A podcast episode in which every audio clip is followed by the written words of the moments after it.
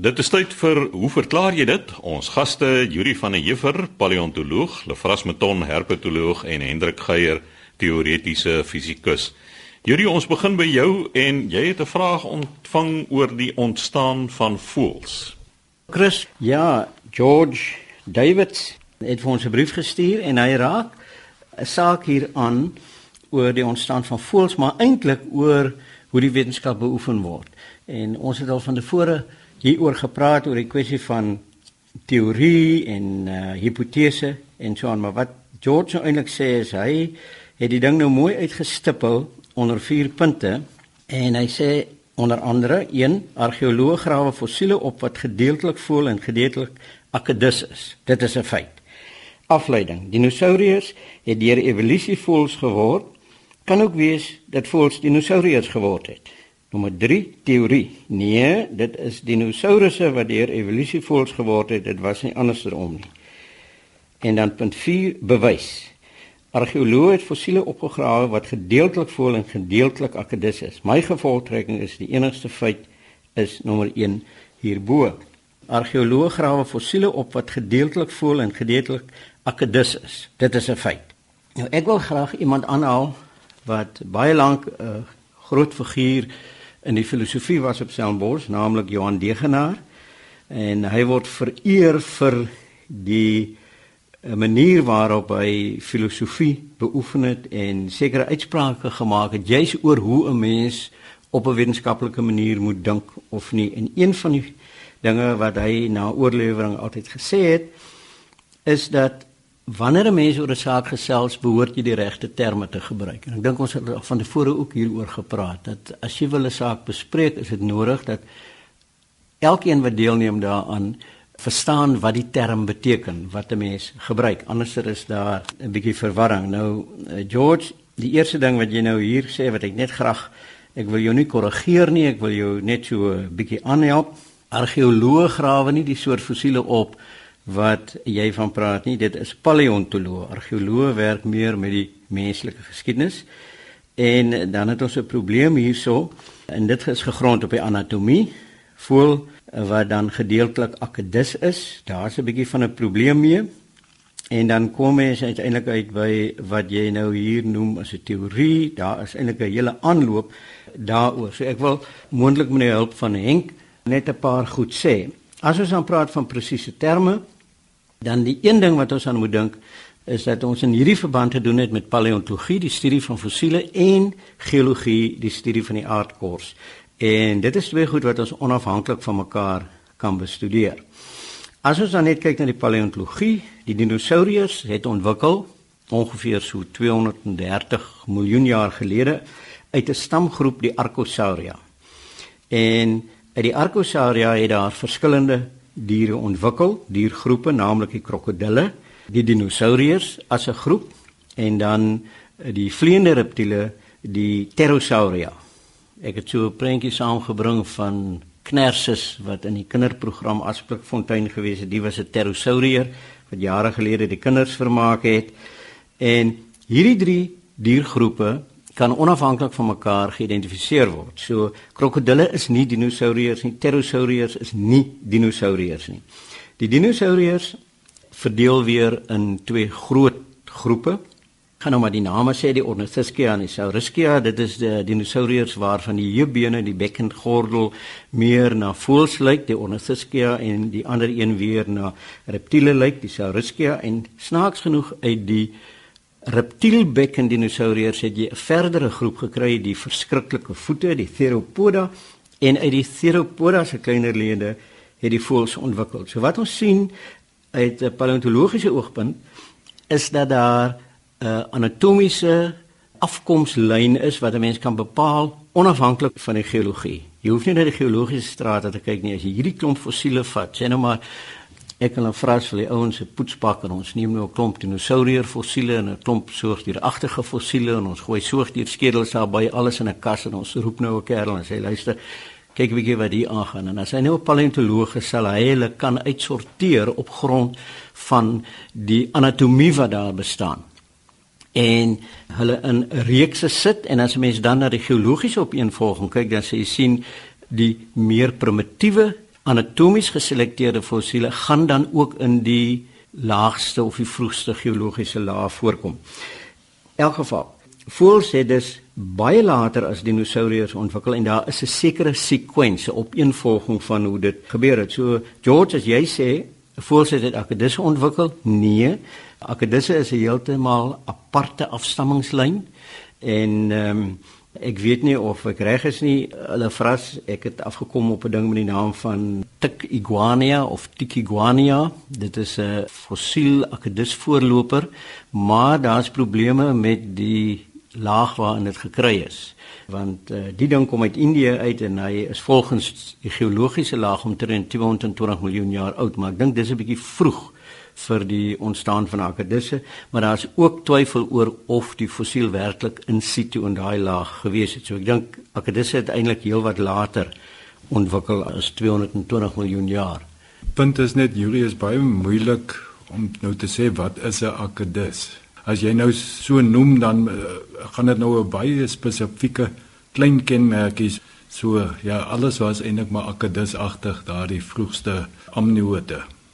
Maar wat ons wel seker weet as ons kyk na wanneer die vroegste voëls ontstaan het, dan het die voëls nie uit akedisse ontwikkel nie. Dit is ten minste seker. As ons dan kyk na die vroegste plante, dan sien ons dieselfde soort van afstammingslyn van eensellige plantagtige organismes deur na die alge toe hier eh, min of meer in die Devon so 400 miljoen jaar gelede die ontwikkeling daarna van saadvarings en die ontwikkeling daarna van die sogenaamde gimnosperme Dit is nou plante wat die sade nie in vrugbeginsel sit nie.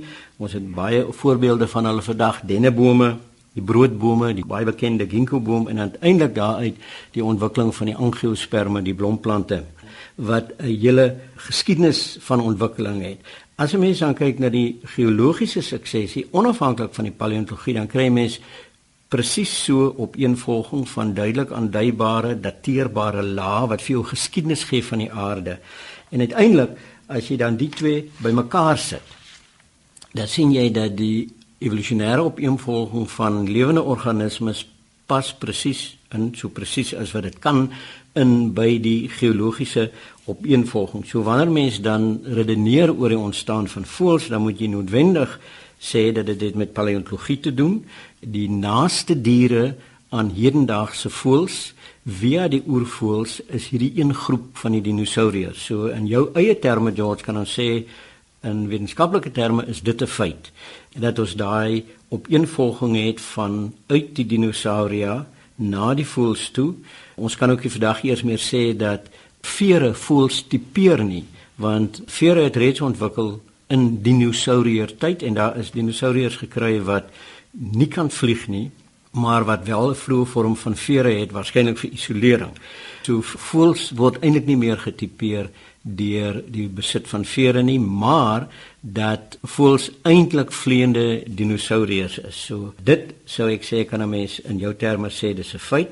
So wanneer mens oor hierdie hipotese en teorie redeneer, dan dink ek is dit 'n soort van eenvormige manier wat jy in die fisika ook sal kry om van hipotese te gaan deur toetsing deur na teorie toe. En um, ek sien Henk sit en vibreer hierso. Hy dink hy wil 'n bydrae lewer.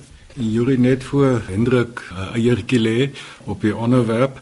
Die enigste fout wat George dan nou maak is dat hy nie die paleontologie die tydskaal bygesit het want dit verander natuurlik die rigting van evolusie Jy is heeltemal reg. Wanneer jy van geologie praat en die fisiese voorkoms van die aardkors is daar 'n tyd, geologiese tyd by en wanneer jy van paleontologie praat, is natuurlik ook tyd by. So in hierdie hele mengsel moet jy net jy is heeltemal reg, moet 'n mens natuurlik nou tyd ook inklits om hierdie opeenvolging duidelik te sien. Chris om ook 'n bietjie kommentaar te lewer op George David se skrywe.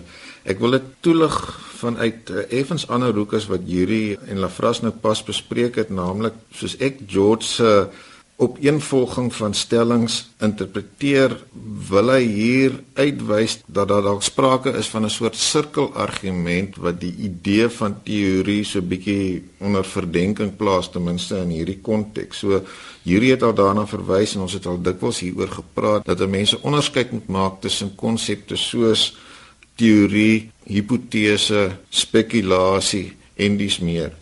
So uit die oog van die fisika sou ek miskien 'n paar voorbeelde wil gebruik om hierdie goed net toe te lig, maar laat ek begin deur te verwys na 'n bekende filosoof met naam van Karl Popper wat 'n uh, belangrike bydrae tot die gesprek gemaak het oor wanneer 'n mens wetenskap van nie wetenskap probeer onderskei. En 'n lakmoestoets wat hy aangelê het was om te praat van falsifiseerbaarheid met ander woorde dat wanneer jy met 'n hipotese na vore kom dat dit kan aanspraak maak op die kwaliteit van wetenskaplikheid as dit ten minste in beginsel so is dat hierdie hipotese verkeerd bewys kan word of deur direkte waarneming of deur uit te wys dat die beskrywing mank gaan aan onderliggende of inherente konsekwentheid. Met ander woorde dat daar intern weersprekings is Dit bring my by 'n anekdote van 'n bekende fisikus, 'n Switserse fisikus van die vorige eeu met naam van Wolfgang Pauli wat op 'n stadium kommentaar gelewer het oor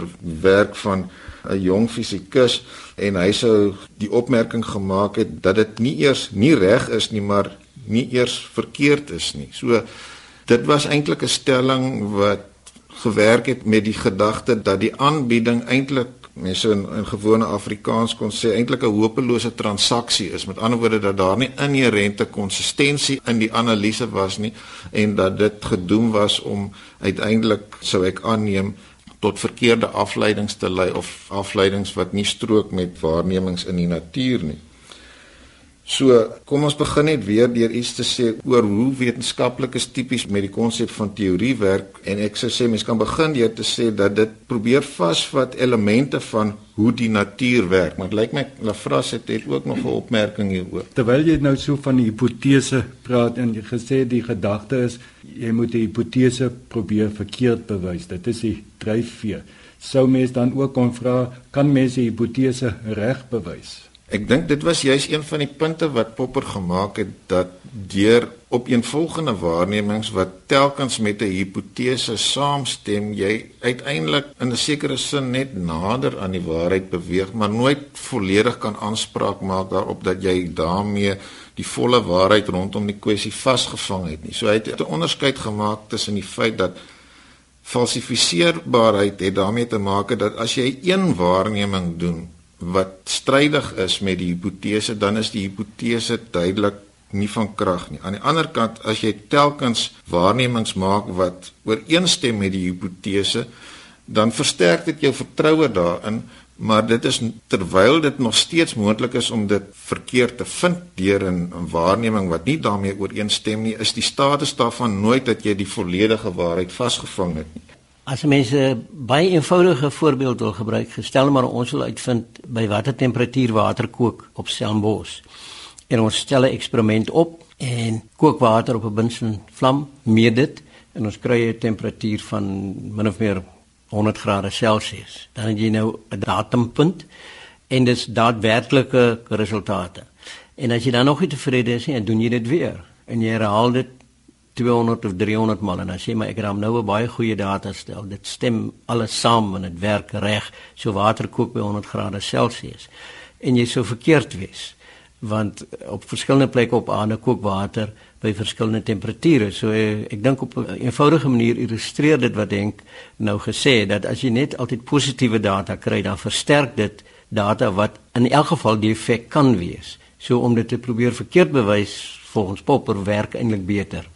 Goed Chris, so dis belangrik om 'n onderskeid te tref tussen teorie, hipotese en dan wat dikwels in die volksmond as teorie voorgehou word, maar eintlik niks meer is as spekulasie nie. So spekulasie is as iemand dink iets werk op 'n sekere manier en dit artikuleer en dit min of meer daar laat.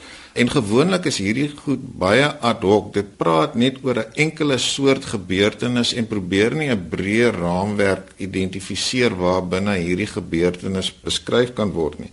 So hierdie is nou alles 'n bietjie teoreties.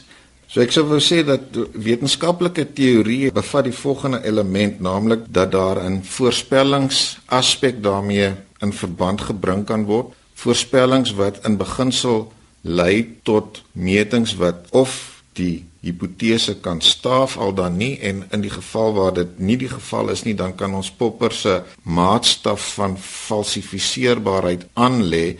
Terloops die kwessie van falsifiseerbaarheid al dan nie soos ek aan die begin gesê het onderskei tussen goed wat aan die begin probeer aanspraak maak op 'n wetenskaplike analise. As dit nie eers so is dat 'n hipotese 'n voorspelling maak of lei tot 'n analise wat werk met die konsekwentheid daarvan, nie, dan kan dit nie eers aanspraak maak op wetenskaplikheid nie. Maar natuurlik is daar wetenskaplike hipoteses wat uiteindelik verkeerd bewys is.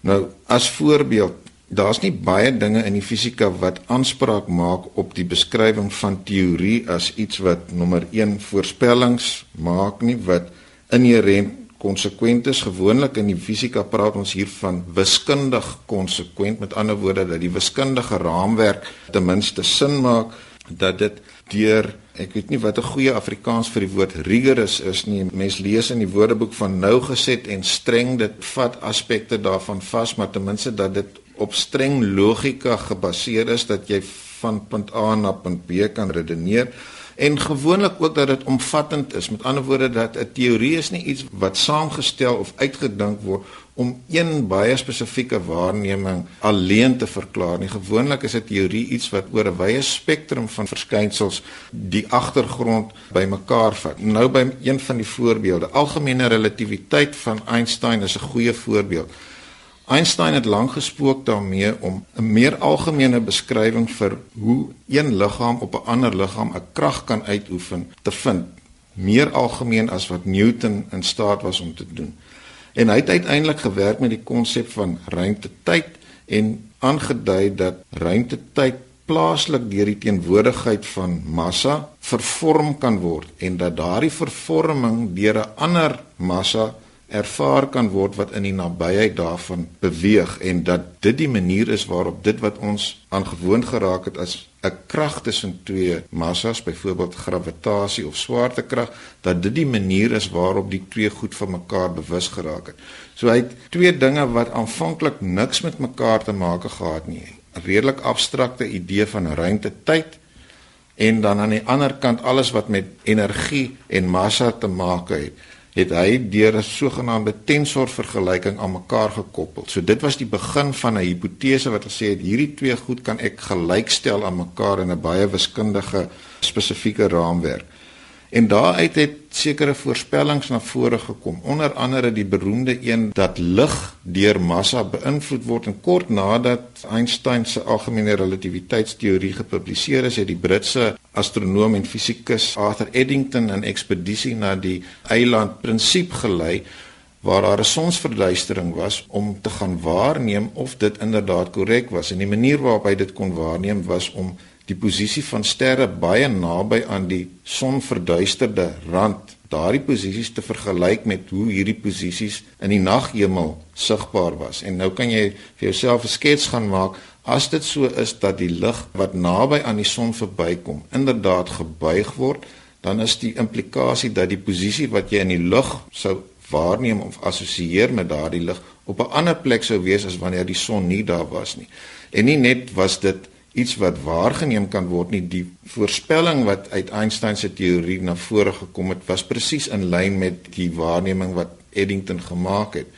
Daar was mettertyd kritiek dat hy eintlik in die data wou inlees wat reeds voorspel is omdat dit nie baie akkuraat was nie maar mettertyd het daardie soort kritiek vervaag en dit is deesdae metings wat in elk geval met baie groot presisieheid gemaak kan word. So dit was 'n redelike deurslaggewende waarneming gewees wat natuurlik nie die teorie reg bewys het nie, maar vertroue in daardie teorie versterk het en feitelik 100 jaar later is daar talle ander waarnemings wat steeds strook met die voorspellings van algemene relativiteit. Nou net kortliks een ander raamwerk wat aanspraak maak op die beskrywing van teorie is kwantumteorie maar dan hoor 'n mens ook van die teorie van supergeleiding en daar's 'n bietjie van 'n verskil tussen hierdie twee goed wat altyd die status van teorie het, naamlik dat supergeleiding is 'n beskrywing van eienskappe van materie wat volledig binne kwantumteorie vasgevat word. Maar aan die ander kant lig dit eienskappe uit in 'n baie spesifieke konteks. So wat supergeleiding doen is om te werk met eienskappe van materie by baie lae temperature en dan verder te analiseer hoe kwantumteorie in daardie omstandighede sou uitspeel. So in supergeleiding verstaan 'n mens dat elektrone mekaar nie net beïnvloed deur die feit dat hulle elektries gelaai is nie, maar by baie lae temperature mekaar ook wederzijds kan beïnvloed deur die feit dat die omliggende materie sogenaamde roosterbewegings het en deur daardie insig in te span binne die groter konteks van kwantumteorie kan 'n mens aflei dat 'n supergeleier die eienskappe het waarvan ons nou al bewus is, naamlik dat dit feitelik sonder enige weerstand elektrisiteit kan gelei. So ek dink kortom sou my kommentaar op George se analise wees soortgelyk aan die kommentaar wat Yuri aan die begin gelewer het, naamlik 'n mens moet eerstens sekerheid hê oor die terme wat jy gebruik En in hierdie geval moet mense duidelike onderskeid maak tussen die terme teorie, hipotese en spekulasie en in die wetenskap handel dit om die konsepte hipotese, teorie en dan in die ideale geval falsifiseerbaarheid. Nou net om af te sluit, Popper se maatstaf van falsifiseerbaarheid is ook al gekritiseer as dat dit nie presies beskryf hoe die wetenskap ontwikkel nie, naamlik die prentjie dat daar telkens hipoteses opgestel word, dat metings gemaak word en dat die slegte hipoteses uiteindelik net eenvoudig laat vaar word.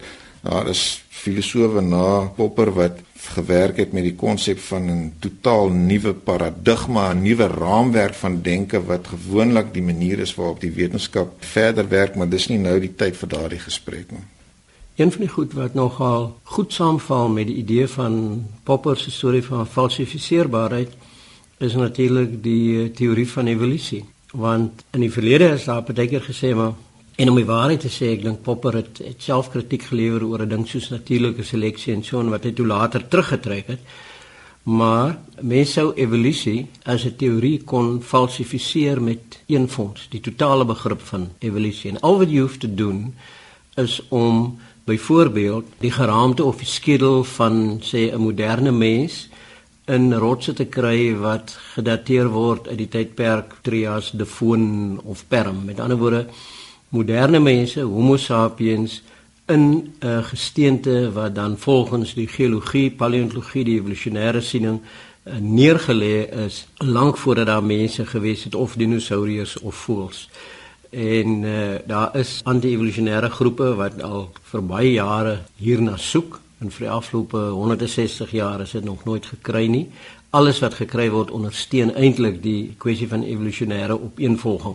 En ons het al verskeie kere gepraat van die groep mense by die dorpie Glen Rose in Texas waar hulle oënskynlik mensvoetspore saam met dinosouriervoetspore gekry het uit 'n tydperk omtrent 65 miljoen jaar gelede wat dan nou evolusie in duie sou laat stort en uiteindelik is dit toe aangetoon dat dit verweerde dinosourierspore is. Maar so iets pas baie goed in by die idee van falsifiseerbaarheid, maar ek dink jy is reg dat daar is nie een sê wetenskaplike oortuiging of filosofiese posisie wat 'n mens kan sê dit is die finale een nie. Net soos met Popperson, dit dit lewer 'n groot bydrae, maar daar is natuurlik gedurende ontwikkeling ander goed wat kan gebeur, maar oor die algemeen werk die metode van Popper met sy hipoteties deduktiewe denke is eintlik 'n beter manier as om van die baie ouer idee van Francis Bacon se induktiewe denke gebruik te maak. daarmee het die tyd ons ingehaal. Ons sê dankie aan ons drie gaste vanoggend, Yuri van der Heever, paleontoloog, Lefras Meton, herpetoloog en Hendrik Geier, teoretiese fisikus. Skryf gerus aan hoe verklaar jy dit? Posbus 2551 Kaapstad 8000 of stuur 'n e-pos aan chris@rsg.co.za.